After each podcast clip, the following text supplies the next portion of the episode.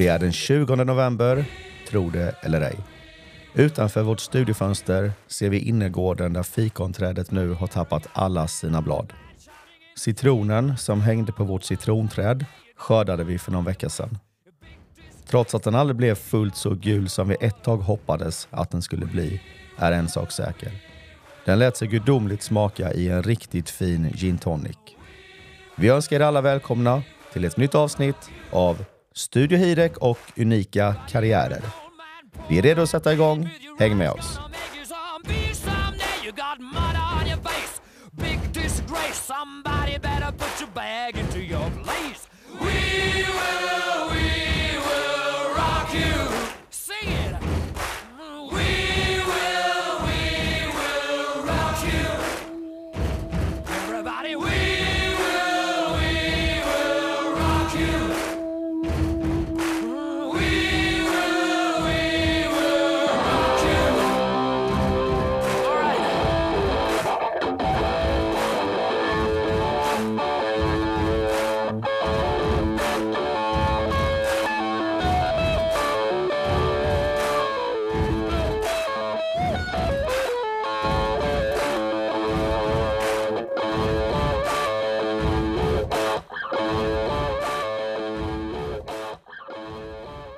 Vi säger välkommen till Jan Jörgen Tobias Ekman.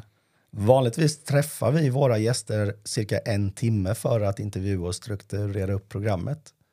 När jag räknar på hur länge vi satt med dig, Tobias, så kommer jag fram till att vi snackade i fyra och en halv timme uppdelat på två tillfällen. Ja. Med det sagt, rock on, scenen är din. Tack så jättemycket. Jättespännande att få komma till er och se hur en studio ser ut. Tufft. Ja, välkommen till, Välkommen. till Tack så studion. mycket Ingrid och tack Johan. Din bakgrund, eh, vi börjar från början Tobias. Vi är jättespända på att höra vem du är egentligen. Ja. Det är säkert många som känner till dig på olika sätt men uh, undrar hur många som egentligen vet vem du är. Nej, det ligger mycket i det. Det var ju väldigt många år som jag kallades för Bo Olsson. I, I resten av Skåne, bortsett från Österlen där man visste vem Bo Olsson var fullt ut såklart. Eh, så ibland har jag tvivlat själv, vem är jag egentligen? Jag är en påg från Lund. Mina föräldrar kom från Stora Råby utanför Lund var mamma och min pappa kom från Brantevik. Så att jag har rötter från, från Österlen. Eh, uppvuxen i centrala Lund med mamma, pappa och fyra äldre syskon. Jag är yngst i en skara om fem barn. Eh, det har naturligtvis präglat mig att vara yngst och se upp till sina stora syskon. Vilja bli som dem. Eh, äldre. Då är det ganska stort åldersspann emellan er syskon, alltså från den äldsta till den yngsta som är du då. 14 år skiljer mellan den äldsta och mig. Lille minstingen. Och där bodde du på, du föddes i Lund. Jag föddes i Lund uppe på KK men ehm, redan dagen efter var jag inne i det huset på Östervångsvägen i Lund som jag sen har haft ända fram till i fjol. Då sålde jag det. Det huset har, kommit, det, visade, det har visat sig att det har kommit att betyda mycket för dig. Det finns en historik där. Ja det gör det, jag var till, till och med döpt in i huset. Men det har varit min trygghet, min stomme kan man säga hela livet. Även om jag bott lite runt omkring så har det alltid funnits där. Och ehm, det, det har varit ett konstigt år det här sista att vara utan det huset. Det har gått jättefint, inte det. Men det är en stor, en stor omvälvning att ha någonting som har varit så eh, tätt knutet kring dig som person och din trygghet. Berätta om det för att det finns en liten speciell historia när din, eh, dina föräldrar köpte huset. Eh, Mamma och pappa träffades i Lund eh, när de läste extra efter sina gymnasiestudier. Och när de då bildade bo så var det inte mycket med pengar som, som låg skräpat precis på kontona utan man behövde hjälp. Och de träffade en mäklare som de blev väldigt bra kompisar med. Och han sa att jag kan låna er en liten slant om ni köper ett hyreshus. Eh, Va? sa pappa. Vad, vad ska vi med det? Jo, sköter ni det bra så kan det finansiera ert boende. Och då tycker jag ni ska ha en villa också. Så att från, han gick från noll till både hyreshus och villa. Och eh, pappa jobbade som folkskollärare, som mellanstadielärare med lite finare utbildning. Folkskollärare eh, och på den lönen, mamma var hemmafru med fem barn så, så blev det ju så. Blev det så på den tiden i alla fall. Och han jobbade som, som lärare samtidigt som han skötte om hyreshus och trampade i soptunnor och klippte gräsmattor, häckar och städade trappor. Han gjorde allt. Ehm, Så att eh, jag fick ju lära mig på nära håll när jag växte upp vad det innebar att arbeta för, för brödfödan. Hur många lägenheter var där i det hyreshuset? Jag har för mig att det var 18 stycken Oj, lägenheter. det var stort. Två trappuppgångar, ja. Ja. Men- Och ert hus låg på en rätt, det var en rätt fin adress också i, i Lund. Ja, fantastiskt fin adress och mitt inne i eh, vid de lummiga delarna av Lund vid eh, Botaniska trädgården. Vi var granne med Botaniska trädgården. Och Skönadalparken på ena sidan och Tunaparken uppåt norrut. Så att eh, det var jättemysiga kvarter att få växa upp i. Men då var det mycket jobb redan eh, i tidig ålder med att hjälpa till där på hyreshuset och städa och fixa trädgården och sådär. Absolut, så att eh, det gick genom syskonskaran ner eh, att hjälpa till, precis som du säger, städa trappor och klippa häckar och gräsmattor och, och sådär. Så man kunde få tjäna en liten krona också och lära sig vad, vad det innebar att få, få jobba och få en slant och kunna göra något kul. Hur påverkade det dig då när du såg eh, dina föräldrar, kanske din pappa framförallt, och jobba och slita så hårt för att ha råd att köpa det där huset som, eh, som du verkligen ville ha? Jag, är lite grann ute efter de här eh, kläderna som du, dina syskons kläder som du återanvände. Ja, det formar mig nog på det sättet att jag kände i huset att, att det var inte alltid helt lätt snutet liksom. Och jag ville inte vara någon belastning utan när det skulle handlas kläder och så vidare så tyckte jag väl att ja, men jag kan ju ta stora syskonens jeans eller stora syskonens jacka. Vad fasen gör det? Så att eh, jag kunde gå till skolan och vara rätt så icke moderiktigt klädd om man säger så. Vilket i sin tur naturligtvis gjorde att jag kunde bli lite outsider i skolan. För det var ju rätt så bra kvarter runt omkring och väl, folk som hade det rätt så väl ställt som gick på, på Tunaskolan. Eh, var det mode i någon jeans eller några platåtofflor och så vidare så hade ju de flesta det, men inte jag. Det var Eh, gul och blå och eh, exakt. Alan Payne och Du, alla de där. Exakt, de märkena var det. Ehm, men det, det formade nog mig lite som människa att jag blev lite tuffare. Jag kunde ta den där eh, mobbingen som, som skulle kunna uppstå. Det blev aldrig någon mobbing, för mobbing är att man tillåter sig att bli offer och det gjorde jag inte. Utan jag sa ifrån. Men du hade eh, det lite tufft då på grund av, eller tack vare kläderna. Så.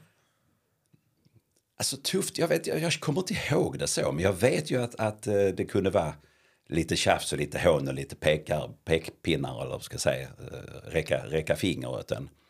Och det var väl något tillfälle som det, det hettade till. Faktiskt en tjej i klassen som jag tyckte mycket om, men hon var- blev lite för mycket. Och ehm, jag varnade henne vid tre tillfällen och sa nu räcker det, nu är, nu är det farligt, nu, är, nu, är det, då räcker det, nu är det inte kul längre. Och då höll på att gå över till mobbing. Eh, och där kom en runda till och det är väl den enda gången i mitt liv som jag kan komma ihåg i alla fall, som jag smäll till. Ja. Du sänkte henne. Alltså, jag sänkte det faktiskt, det gjorde jag. Och eh, blev lite orolig efteråt hur det skulle bli. Men, men redan minuten efteråt så bad hon om ursäkt. Och eh, jag fick väl de flesta på min sida. Sen blev det aldrig någonsin några sådana bekymmer igen. Hur slutade det med henne sen då? Nej, vi blev mycket goda vänner. så det, det gick bra. Men Men jag tänkte på det här med kläderna, Tobias. Var, var det aldrig viktigt för dig att ha de här, även om du hade kunnat få de här modekläderna, var det aldrig viktigt för dig? Eller tyckte du på något sätt att det var lite roligt att ha kläder som var lite mm, mitt, mm, tvärt emot vad alla andra hade? Ja, både och. Alltså, Jag tror inte det var viktigt för mig, nej. Och det har inte varit viktigt för mig senare i livet heller. Det tror jag många i och för sig skulle ja, tänka annorlunda. För att jag är också en sån här kille som tycker det är kul att ha en fräck bil eller köpa något annorlunda roligt när man kan. Men det har faktiskt, faktiskt aldrig varit viktigt för mig. Nej. Utan det har varit jäkligt kul att kunna.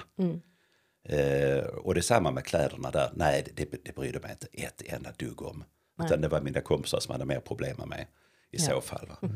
Men kände du att du stack ut? Ja, det gjorde jag ju. Ja, och- Absolut. Och det kanske du mer tyckte om än att det var en belastning att du just stack ut. Även om du inte tänkte på att det var det som var anledningen. Ja, Jag kunde ju berätta anekdoter om skinnjackan jag hade som min bror hade haft på sig för några år sedan och kommit till slagsmål i Lund och fått öl uthälld över skinnjackan som fortfarande då var fläckig och sådär. Och det kunde ju imponera mer på de jämnåriga kompisarna. Att det faktiskt fanns lite track record, lite historik kring kläderna jag kom i. Och ibland så stämde det in med punkkretsarna, ibland stämde det in med, med eh, andra typer av eh, eh, av mod, modenycker som kom. Det var väldigt sällan det kom rätt, men ibland. Och då var det också roligt, för jag kunde ju vara först på pucken. Utan att själv begripa det. Är du en berättare? Ja, men det tror jag. Ja. Men du, eh, berätta om eh, den här matkön när du var 8-9 år. För det är ju en Ja, fantastisk- just det. Jag vet inte varför det dök upp när vi pratade, men, men det är faktiskt rätt så centralt i mitt liv. Det var en, en eh, lunchrast i, jag tror det var lågstadiet, så tvåan, trean. Där jag står i kön och, och bara får en ingivelse att jag ska gå baklänges i kön. Varför vet jag inte.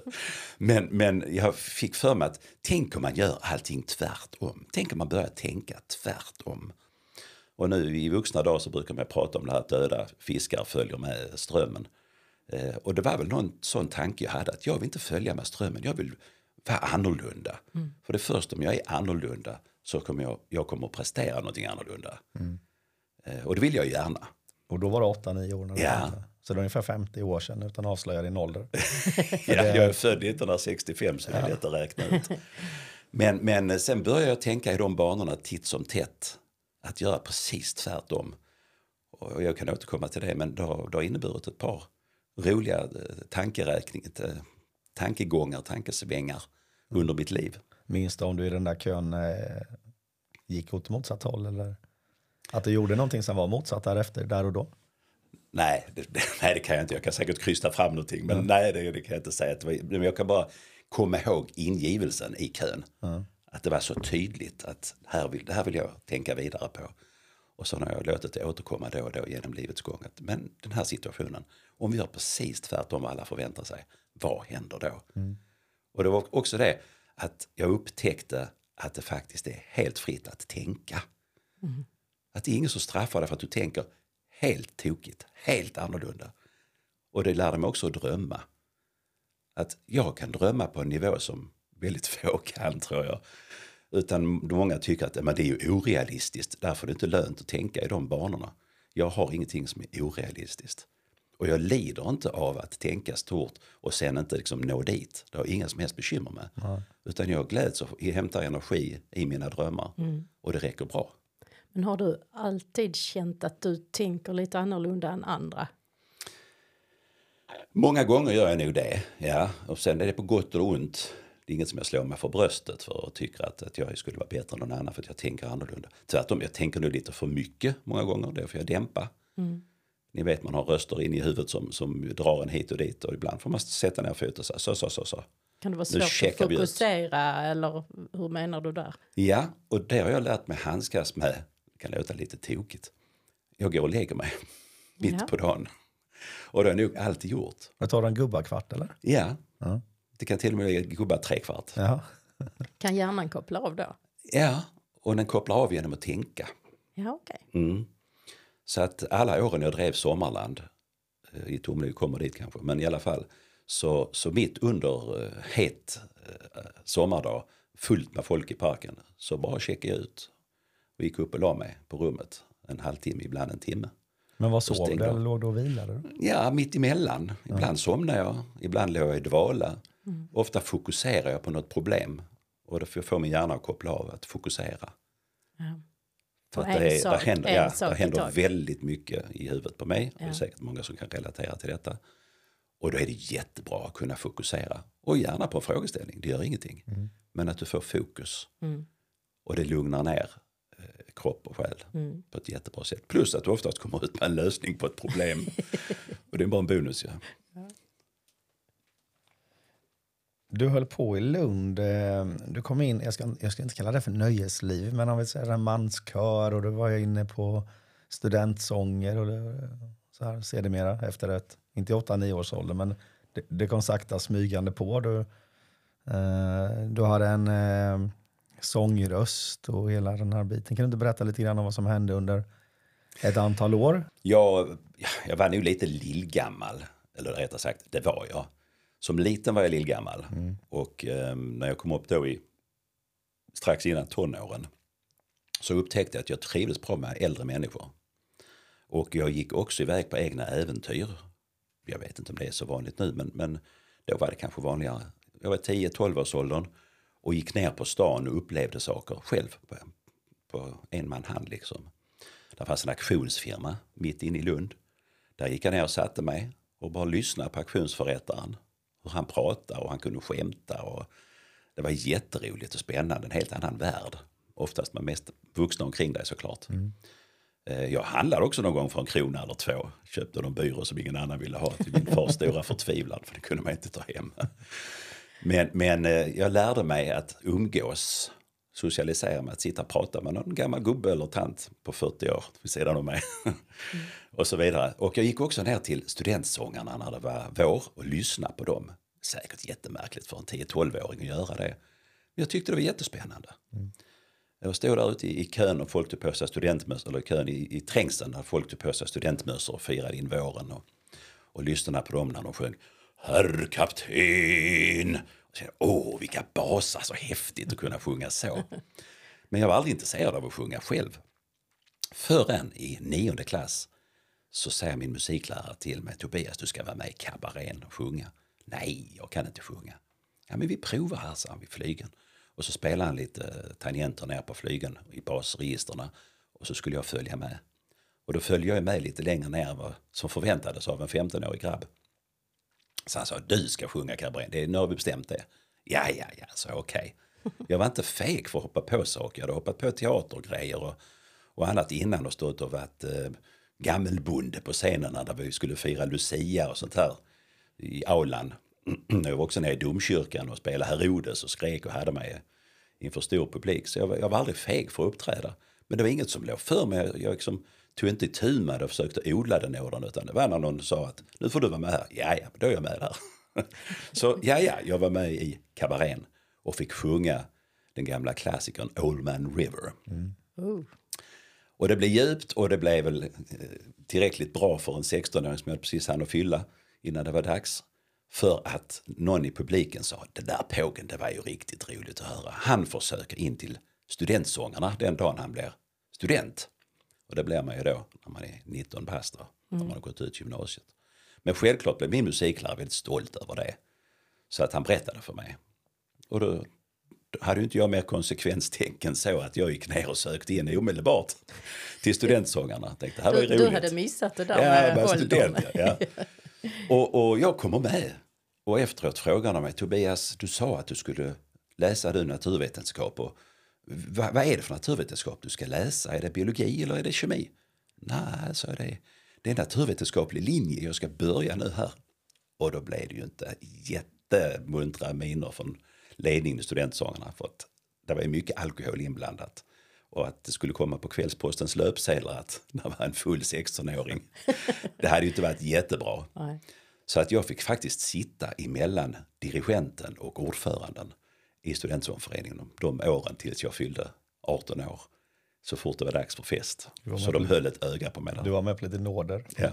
Men, men du sa att eh, det är, det är unikt. Det är ingen annan vad du vet som har kommit in så tidigt. jag, jag har fått höra att, att man instiftade Lex Tobias. Faktiskt. En lag som säger att du måste ha fyllt 18 år för att accepteras eh, som medlem i studentsångarna. Och det är väl, det är väl rimligt. Det lär ha varit någon på Otto Lindblads tid på 1800-talet som var nästan lika ung. Han var väl några månader äldre än jag. Så att jag har, har nog rekordet. Det är jag otroligt stolt över. Tack för att jag får berätta det. Du vill inte ge ett smakprov på Ullman River? Nej, Nej. men tackar för att du frågar. Men eh, har du därefter under resten av livet tyckt om att vara ensam också? Precis som när du gick på auktion och var nere och tittade på sång och så här. Ja, jag, jag uppskattar att få vara ensam eh, emellanåt. Ehm, s- ja, vi kommer vidare till Sommarland här. Det, det är lätt att glida in på den tiden. På tal om att inte vara ensam. Men, men eh, min personlighet gillar att få lov att kontemplera och, och eh, backa undan då och då. Absolut. Ja. Du, eh, du gick först på Tunaskolan, sen hamnade du på Spiken. Just det. Ja. Och var det Spiken och Katedral man kan välja? Mellan Som gymnasieskola var det Spyken och, och Katta då, Katedralskolan. Och eh, ytterligare en skola som heter Polhem. Som är den största idag. Och ehm, då var det så att nästan samtliga uppe i Tunakvarteren skulle gå på Katedralskolan. Det är liksom den fina, mest historia. Den skolan som har mest historia i Lund, bak till Gust eller Karl XIIs dagar och så vidare. Och det var där ni hade, det, det var där ni bodde i den kvarteren också? Nej, faktiskt bodde jag ju närmare Spyken. Okej, det var så. Så Katedralskolan ligger ju mitt inne i Lund, för er som är bekanta med Lund. Eh, absolut inget emot Katedralskolan, men eftersom jag hade varit lite motvallskärring hela livet eh, och inte hade de här rätta kläderna och allt det här så tyckte jag att Spyken passade jättebra. Och så var det ju himla nära hem, liksom 150 meter hem. Så att ehm, där passar min klädstil, det vill säga ingen stil, in väldigt bra. Och för att vara garanterad och hamna på Spiken så fanns det bara en sak man kunde göra när man skulle söka till gymnasiet. Det var att söka naturvetenskaplig linje med tillval ryska. Och det gjorde För det du. fanns inte på Katte. så det gjorde jag. Då var man safe om det var den kombinationen. Ja, så att eh, naturvetenskap var absolut mina tre sämsta ämnen då. Fysik, kemi va? Och biologi. Och eh, ryska, ja det förstår ni själva att det var inget man hade någon som helst relation till. Och jag antar att Eh. vi inte får höra Ullman River på ryska heller. Inte det heller. Nej. Men eh, det blev väldigt spännande år och så här i efterhand så tyckte jag det var ganska bra för det är ju det där man inte riktigt greppar om och är intresserad av som är så viktigt att konfrontera, tycker jag, för att få lite mer bredd på sin färgpalett. För att där skulle jag nog aldrig verkat om jag nu inte tvingar mig in i den miljön. Och det gjorde mig gott. Hur gick skolan för dig? Rent eh, resultatmässigt. Alltså jag kom ju från Tunaskolan och hade arbetat mig upp från rätt låga betyg till nästan toppbetyg. Jag hade väl fyra och sju när jag gick ut och- fem. Och, och jag var rätt barnslig i, mellanstadiet så att jag hade en, en bråd mognadstid under de tre åren. Men du gjorde Varför, också, varför, eh, varför jobbade du upp dina betyg? Vad var det som gjorde att du fick den kicken? Jo du, det var för att jag fick en lärare, en specifik lärare som hette Folke Silvén som har betytt så otroligt mycket för mig i mitt liv. En stentuff gubbe tyckte vi då. Jag har nu räknat ut att han var 47 år när jag gick ut nian så han var inte en jättegubbe. Eh, som var med på gymnastiklektionerna och tacklade oss hårt i innebandy alla killarna så att vi hade väldigt stor respekt för honom. Men också för att han hade en enorm kunskap, en kunskapsbank och ett fantastiskt entusiasmerande sätt att lära ut. Eh, och som sagt, jag var lite barnslig och, och, småfjantig fram till sexan, men i sjuan så tog han tag i mig och såg att det fanns potential i pågen att kunna skärpa till sig. Och det gjorde jag, hade väldigt stor respekt för honom. Och vi fick honom i fem ämnen, vilket är ju var mycket. ju. Så vi hade honom i, i svenska och i historia och samhällskunskap. Eh, geografi och något till. Ja, i alla fall. Så, så eh, han ägnade mycket tid åt att lära oss det där lilla extra. Och det lilla extra det kan då vara allt ifrån latinska prefix och grekiska suffix och, och grekiska dramer och sånt här. Som kanske inte så många andra lärare tar tid till, eh, till sig att försöka lära ut. Men han gjorde det och fick mig att börja läsa poesi. Jag gick i knuttjacka på den tiden och drack folköl och var allmänt tuff och störig. Men började läsa poesi och blev duktig på att lära mig utantill. Började skriva poesi och skrev uppsatser på ett helt annat sätt än vad jag någonsin hade tänkt mig att göra. Och det öppnade nya sidor i mig som jag är jätteglad för att jag provade på. Han fångade ditt intresse. Han fångade mitt intresse och gjorde mig så medveten om att man kan mycket mer än vad man tror. Så att eh, när jag sen gick ut gymnasiet så hörde han av sig och jag fick vara vikarie. Det var inte många som fick vara vikarie för Folke Silvén. Men han tog in mig som vikarie varje gång han skulle åka Vasaloppet eller något annat tufft. Eh, det var väl det högsta betyget jag kunde få från hans sida. Och det slutade faktiskt med att vi blev livslånga kompisar. Och ehm, när jag gifte mig för andra gången med Malin nu som jag lever med sen 15 år tillbaka, 17 år har vi bott ihop i Svarte. Så ehm, funderar jag mycket över vem som har betytt mycket för mig i livet. Och bjöd faktiskt in Folke Silvén till bröllopet också. Vilket sen resulterade att han bjöd tillbaka till sin 80-årsfest. Så att eh, det var bara jag, Malin och fyra till på det 80-årskalaset. Så vi hade väldigt fin relation livet ut. Han gick bort för några år sedan. Så roligt. Det var, han var en liten anekdot, men han, var han världsmästare i ett, i ett högst ovanligt ämne? Va? Ja, det var han. Han var världsmästare i baklängestalning. Så han var med i många tv-program där han briljerade med denna konst. Eh, han eh, hade många strängar på sin lyra och han var en mycket, mycket självsäker man. Och när det gäller förebilder så är det ju oftast delar av en person som man har som förebild. Där finns ju alltid flera sidor. Det gäller nästan alla förebilder, eller hur? Eller idoler för den delen.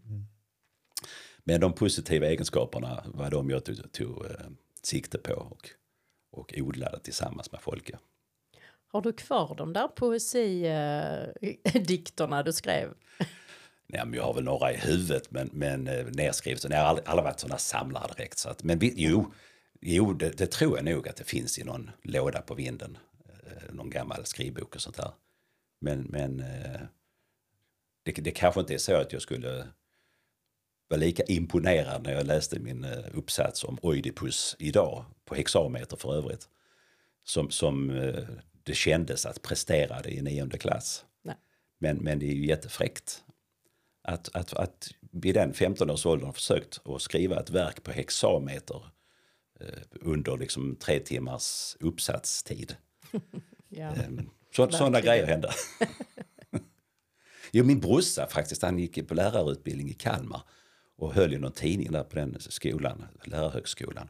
Och han publicerade faktiskt ett par, tre av mina, av mina dikter där. Ja, Så det var kul, så jag är publicerad. Jaha. Ja. Ligger de ute och hittar någonstans? Nej, det tror jag Det inte. Nej, det tror jag Det, det är kanske någonting att hämta upp sen senare i livet. Ja, Tobias. absolut. Mm.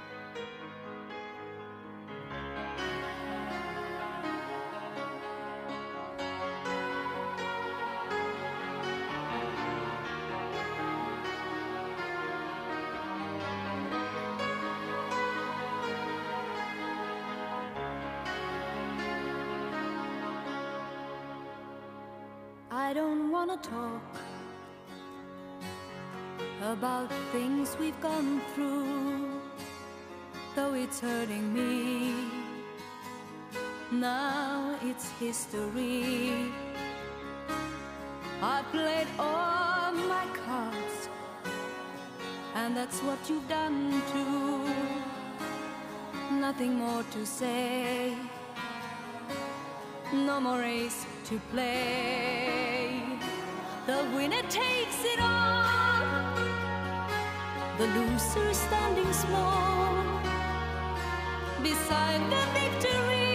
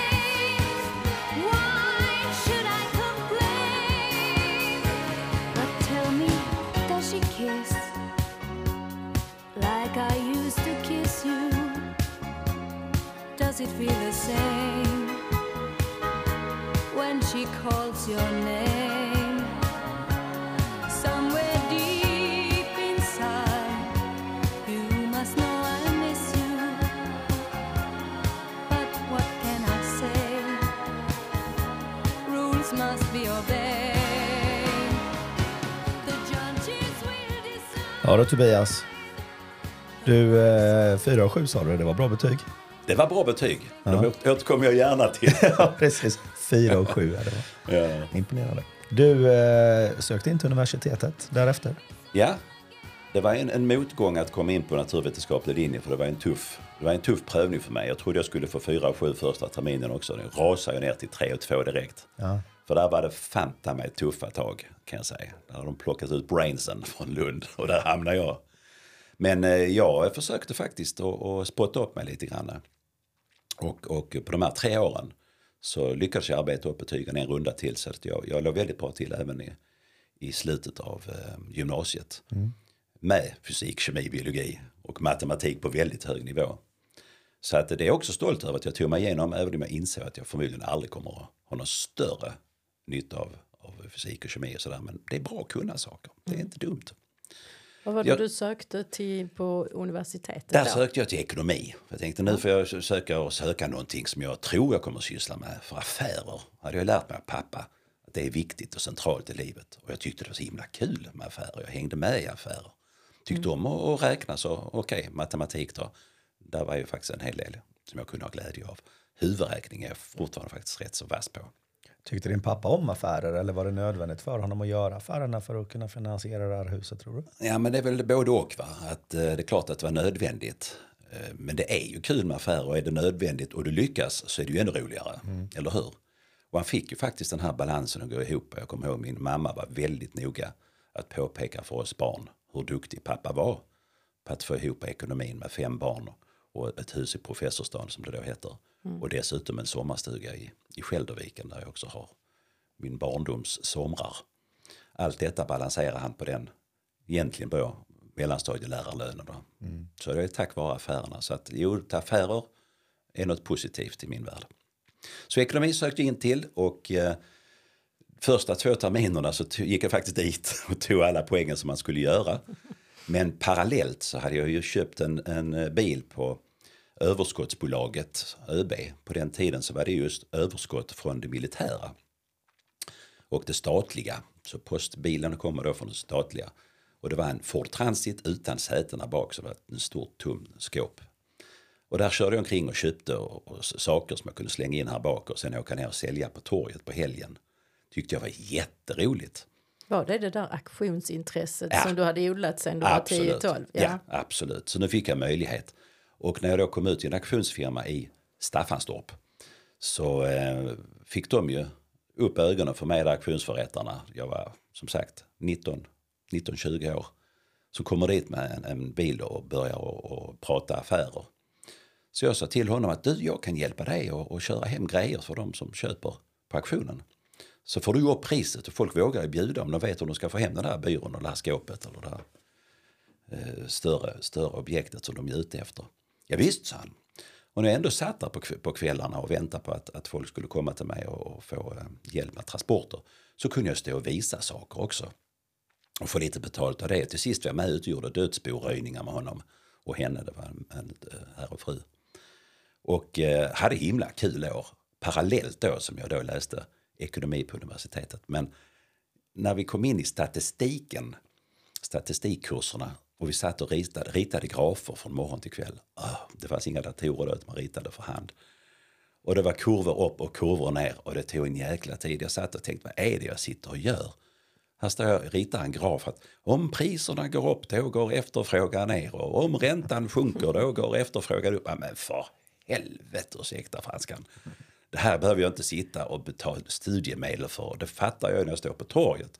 Höjer jag priserna så är det ju färre som köper mina äpplen eller mina grejer från auktionerna. Och så vidare. Sitta och offra tid. Nej, hej på er, sa jag till mina kompisar. Nu drar jag ut och försöker tjäna pengar istället så får ni plugga vidare. Så du har slutat Så jag studierna hoppar där? faktiskt av mitt i alltsammans där efter halva tiden knappt. Och på den vägen är det, höll jag på att säga. Men då hade du fått igång eh, din eh, affärsverksamhet eh, ganska bra redan då. Ja, det hade jag så tillvida att jag gjorde affärer. Men eh, när det gällde ekonomi så gick de ihop sig. Alltså, gick det någonting sönder på bilen så gick ju där tre veckors förtjänst direkt. Va? Eh, och skatt och tankar och grejer. Så allting är ju förknippat med utgifter. Det var ett mycket bra sätt att lära sig hur det fungerar eh, i, i praktiken. Men jag hade väldigt kul år. Jag lärde mig att socialisera mig med människor ännu, ännu en gång. Ute på marknader, ute på torg runt omkring i Skåne framförallt. eh, har gjort att jag byggde ett kontaktnät. Jag kommer ihåg min pappa frågade någon gång vad är det du håller på med? Du skulle ju bli någonting. Så jag, men pappa ta det lugnt, jag bygger ett kontaktnät som jag sen ska ha som nätverk. Det är två begrepp jag håller isär. Kontaktnät, det är de du känner till och som vet, de vet vem du är. Nätverket, det är de som faktiskt vill samarbeta med dig. Som det är lönt att ringa till. Kontakter som, som inte vill ha med dig att göra är inte så mycket värda egentligen. Så att nätverket är det centrala. Du tänkte så då? Att Ja, det gjorde jag redan då. Ja. Köpte din pappa den förklaringen? Han köpte förklaringen när jag parallellt kunde ta upp plånkan och visa x antal hundralappar för de senaste försäljningarna och sånt. Då kunde han klappa mig på axeln och säga det är bra min påg, det är bra min påg. Men du bodde hemma fortfarande? Eller hur eh, hade du flyttat hemifrån då? När du... Ja, det, jag flyttade hemifrån ganska tidigt men jag hade min bil stående hemma så att jag var ju hemma eh, i, i föräldrahemmet nästan dagligen. Ja, i princip dagligen. Så jag hade väldigt tät kontakt med mina föräldrar. Men jag flyttade hemifrån redan eh, efter gymnasiet direkt. Till hyreshuset. Ja, ja, Okej, det var dit du flyttade. Ja.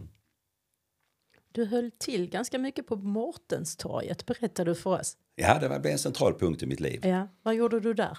Ja, där sålde jag ju. Ja, Dels hade vi ett stort äppleträd i trädgården så att eh, jag sålde ju äpplen såklart. Eh, obesprutade flädäpplen var det. mm, ekologiskt. Ja, och till skillnad från alla andra torghandlare som stod tysta och väntade på kunder så ställde jag mig på en pall och jonglerade lite med äpplena och hojtade lite eh, på ett glatt och trevligt sätt. Så jag fick ju väldigt, väldigt mycket kunder runt mitt stånd. Och till att börja med så kom jag ihåg att konkurrenterna tyckte att du, eh, du är lite högljudd, du, du är lite tjafsig. Ja, som jag nu har sålt slut äpplena, klockan är nio så att nu går jag hem.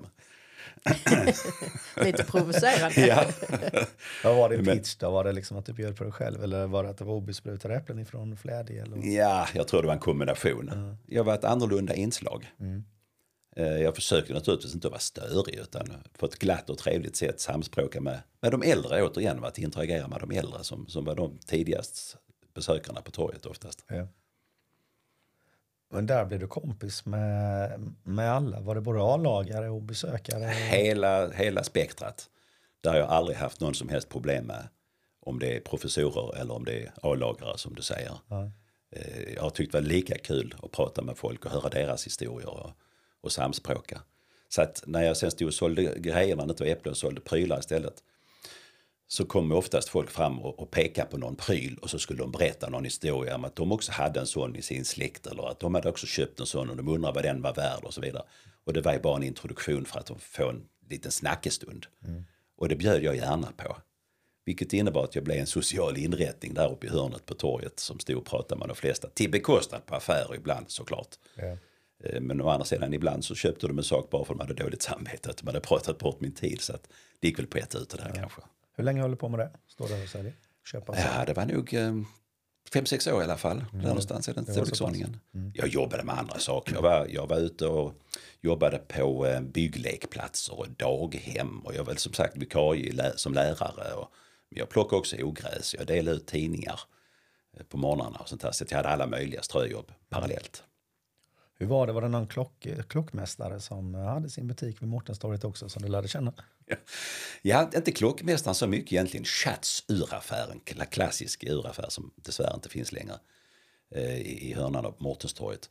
Under honom så fanns Börje Jensen som hade varit hovmästare på AF och på andra ställen. Även nere i, eh, på Falsterbohus faktiskt. En riktigt, riktigt klassisk gammal hovmästare med bakslickat hår och fluga. Eh, han var väl kanske i 65-70 års ålder när jag lärde känna honom. Han Hade en rammakeri under eh, den här Schatz uraffär. Och de hade samarbeten. Och när det var klockor som, som inte riktigt fungerade så, så fixade eh, urmakaren till dem lite grann. De hamnade hos Börje som sen kom till mig på torget så sålde jag dem.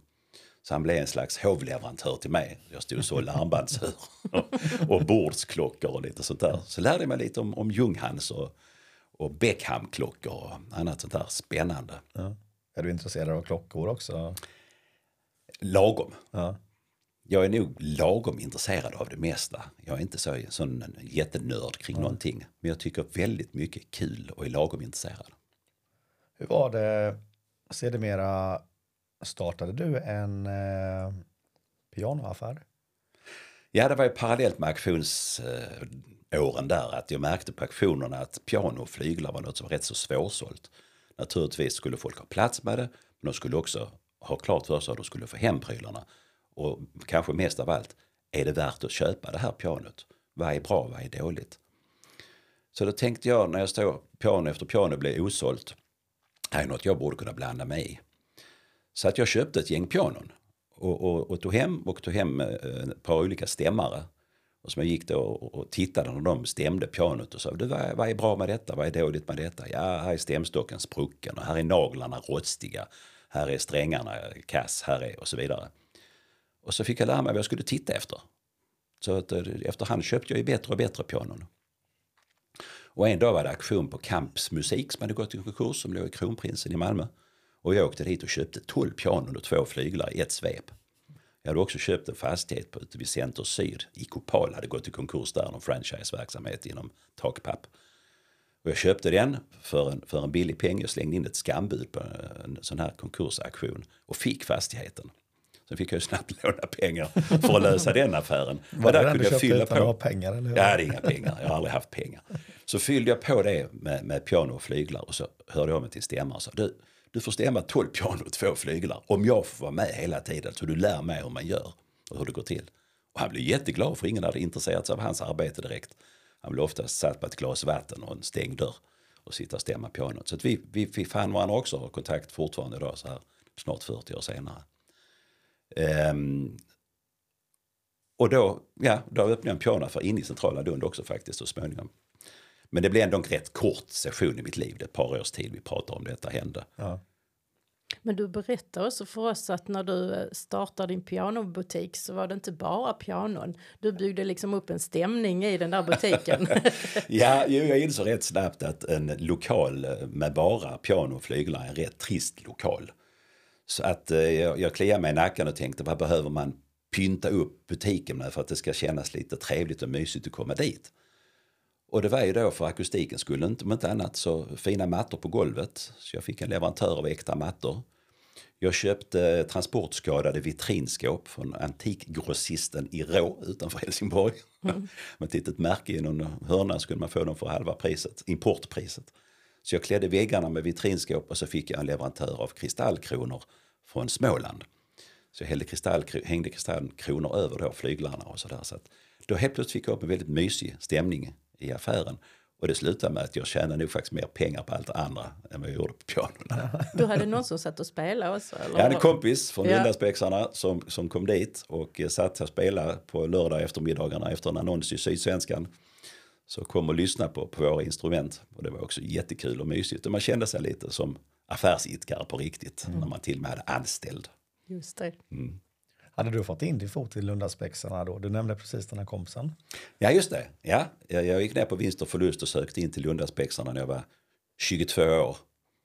Och eh, då hade jag redan varit i AF som leder Akademiska föreningen i Lund i huset tack vare studentsångarna. Sen jag var 16 så hade jag varit sex år i huset och var sexmästare som det heter och spritförman och så. Så att jag hade ju nycklar till alla möjliga lokaler och skåp och kände mig rätt kaxig.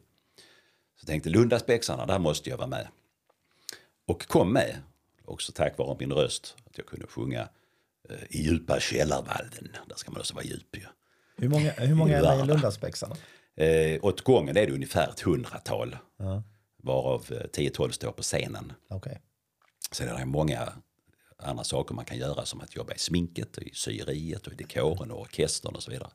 Så det krävs väldigt mycket för att snyta av ett Lundaspex. Men det var fantastiska år. Jag var kanske lite kaxig i början eftersom jag då tyckte att jag kunde AF. Och i Lundaspexarna skulle man veta sin plats. Eh, på den tiden var det rätt så hårt. Eh, det var jättenyttigt. Jättebra för mig att ta ett steg tillbaka igen. Och bli lite tillrättavisad och bli lite ödmjuk igen. Så att det gjorde mig gott. Sen eh, höll, var jag med i ledningen för Lundaspexarna i ett antal år också faktiskt. Och eh, från 86 har jag dessutom varit aktiv i Lundakarnevaler. Så jag har varit aktiv i alla Lundakarnevaler sedan 1986. Oj. På ett eller annat vis. Och det är bland det roligaste jag vet. Ja. Är du det fortfarande? Ja, det var ju karneval nu i fjol. Och eh, då skänkte jag en väldig massa möbler. Jag sålde ju huset då också i fjol ju, i Lund. Så att jag skänkte en väldig massa möbler och hjälpte till på olika sätt och med transporter och grejer. Och, och så, så att man känner att man är delaktig och är välkommen i familjen. Och, och fortfarande liksom få vara med och leka fast man nu närmar sig 60. Det är jättekul. Vad hände den här pianoaffären som du hade? Var det den sista eller var det i slutet innan eh, den här eh, 91-bolagshändelsen? Var det i samband med det? Ja, 91 bolagshändelsen. I, I alla fall, jag, jag, för att göra en lång historia kort så sjöng jag på Grand Hotel. På Grand Hotel satt det folk som hade olika affärer och fastigheter och grejer. Och vaktmästaren och hovmästaren på Grand Hotel sa Tobias kan ni stanna kvar och, och, och vara lite trevliga här vid borden så bjuder vi på grogg. Ja, det behövde jag inte fråga två gånger. och där vid de här borden så satt det då framgångsrika entreprenörer och jag fick frågan av någon, vill du jobba med oss? Va? Vad är detta för fråga? Ja, vi har massor av bolag och vi hade behövt någon som var lite concern controller för alla de här bolagen. Nej, nej, nej, nej, nej, jag är ingen concern controller. Ja, men du har ju läst ekonomi. Jo, men alltså pärmar och bläddra och budgetar. Ah, nej, nej, nej, men tack ändå. Men då så säger damen i fråga, men vi har faktiskt köpt ett sommarland ute i Tomelilla. Och vi vet inte riktigt vad vi ska göra med det. Det ingick i någon större fastighetsaffär. Skulle du kunna tänka dig att bli idéspruta för det? Oh, vad kul! Det, ja, det vill jag vara, absolut. Så jag åkte hem till min dåvarande fästmö och sa du, jag har fått jobb som idéspruta så jag måste stänga, jag ska stänga pianoaffären. Nu ska jag jobba med sommarland. Gud vad kul, så vad fick du betalt för det? Åh, fasen, det glömde jag fråga. Den lilla det- detaljen. Den detaljen har aldrig varit så central för mig utan jag har alldeles för mycket magkänsla. Jag går alldeles för mycket på spontana ingivelser och tycker det här verkar roligt, det ska vi göra. Inte riktigt konsekvenstänk i det läget. Men det blev jag ju varse om att konsekvenstänk fick jag ju ha efterhand för att komma vidare. Ni har precis lyssnat på första delen med vår gäst Tobias Tvärtom Ekman. Missa inte nästa avsnitt där vi får följa Tobias väg med Sommarlandet och Bo Olsson i Tomelilla. Och en hel del annat vi aldrig trodde var möjligt. Och då, kära lyssnare, då blir det drag under galoscherna.